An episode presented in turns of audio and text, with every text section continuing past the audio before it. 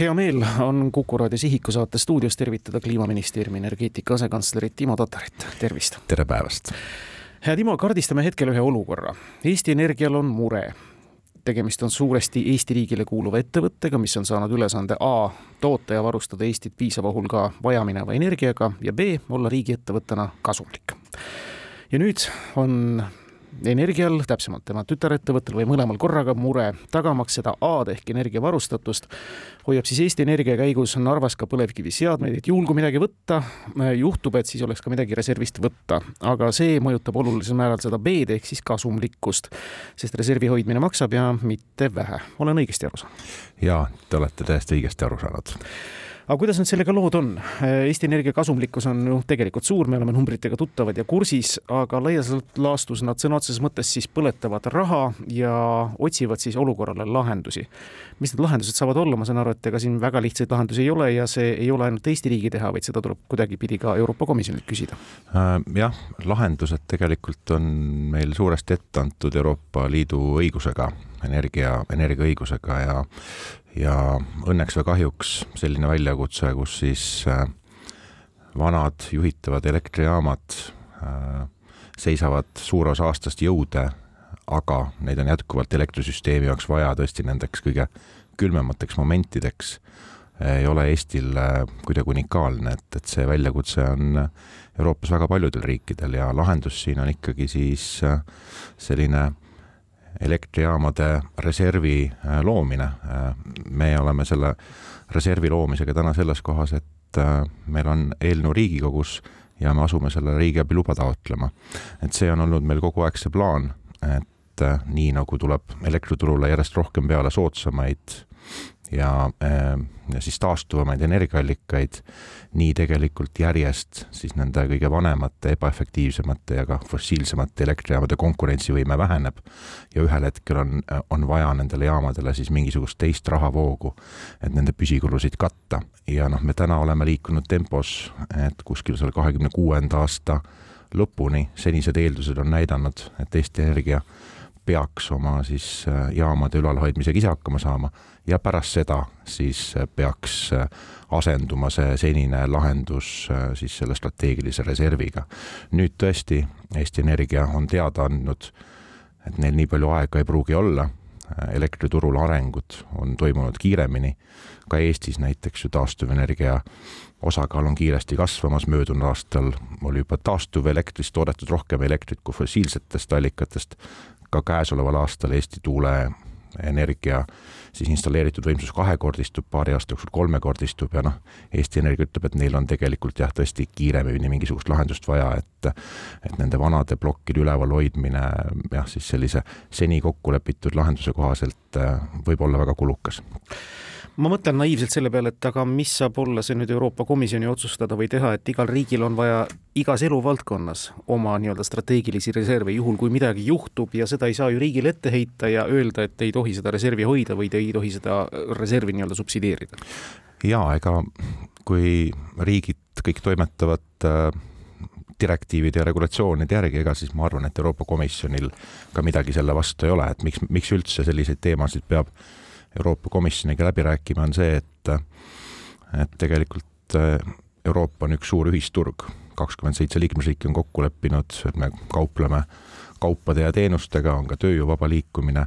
ja noh, iga riigi sellised kõik riigid, kes osalevad seal ühisel turul, peavad järgima samasid reegleid ja noh, Euroopa Komisjon siin on lihtsalt siis selline järelvaataja, et, et riigid järgiksid samasid reegleid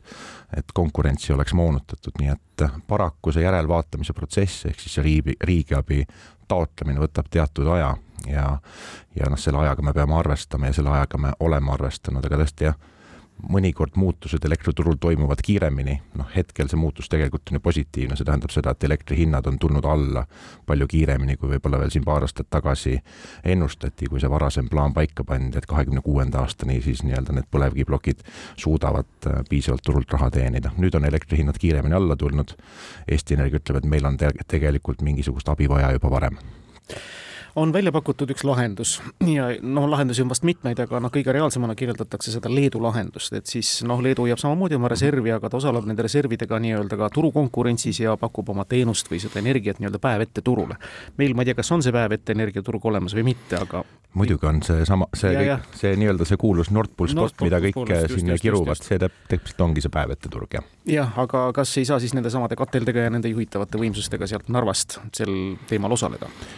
No täna needsamad Narva plokid ka iga päev teevad pakkumisi sinna päev ette turule, aga nad ei no, ole vist väga konkurentsivõimelised. jah, noh tõesti, tänagi siin päeva keskmine hind ilmselt on kuuskümmend eurot megavatt-tund, need kõige vanemad Narva elektrijaamade plokid, ma usun, et noh, nemad pääsevad turule siis, kui hind on kaugelt üle kahesaja euro megavatt-tund, mis tähendab, et noh, ka need, need plokid teevad iga päev pakkumise turule, turuhind nii kõrgele ei küündi, turul on piisavalt soodsamaid allikaid ja noh, nii need plokid ka iga päev siis jätkuvalt seisavad, et, et tõesti Leedu, Leedus on nüüd tehtud üks lahendus, mida Eesti Energiaga riigil soovitab kaaluda, kus, kus siis tõesti ühel ajal makstakse nendele vanadele plokkidele püsikulud kinni, aga, aga siis nii-öelda teise käega lubatakse nendel plokkidel ka siis elektriturul osaleda. me seda lahendust analüüsime, et kui see lahendus tõesti on selline, mis riigiabiluba ei vaja, sest Leedu sellele lahendusele riigiabiluba ei ole taodelnud, no siis ei ole meil ka mingisugust muud vastuseisu sedasama lahendust ka Eestis äh, kasutusele võtta, et, et selles osas tõesti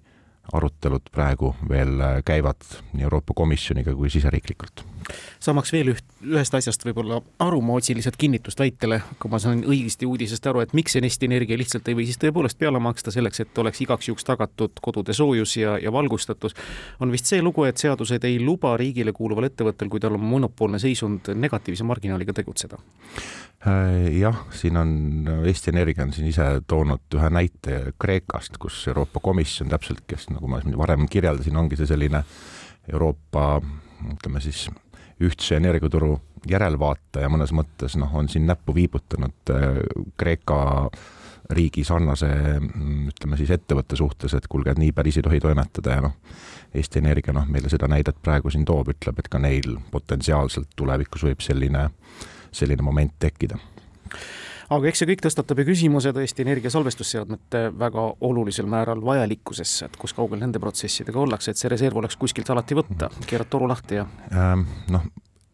ma arvan, et tasub äh, selgeks teha, et kindlasti sellist juhitavat võimsust ei hakka nüüd ka kunagi asendama energiasalvestus, et energiasalvestus ja neid ka, seda tuleb ka Eestis päris palju, Eestis muide rajatakse praegu äh, Euroopa suurimat Äh, akusalvestit, mis peaks juba siin äh, järgmisel aastal valmis saama ja neid projekte tuleb veel.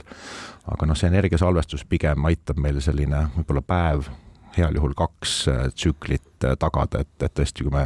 ilmselt ka sellel suvel näeme juba neid tunde, kus päikest on meil nii palju, päikeseelektrit, et elektrituru hind on väga madal,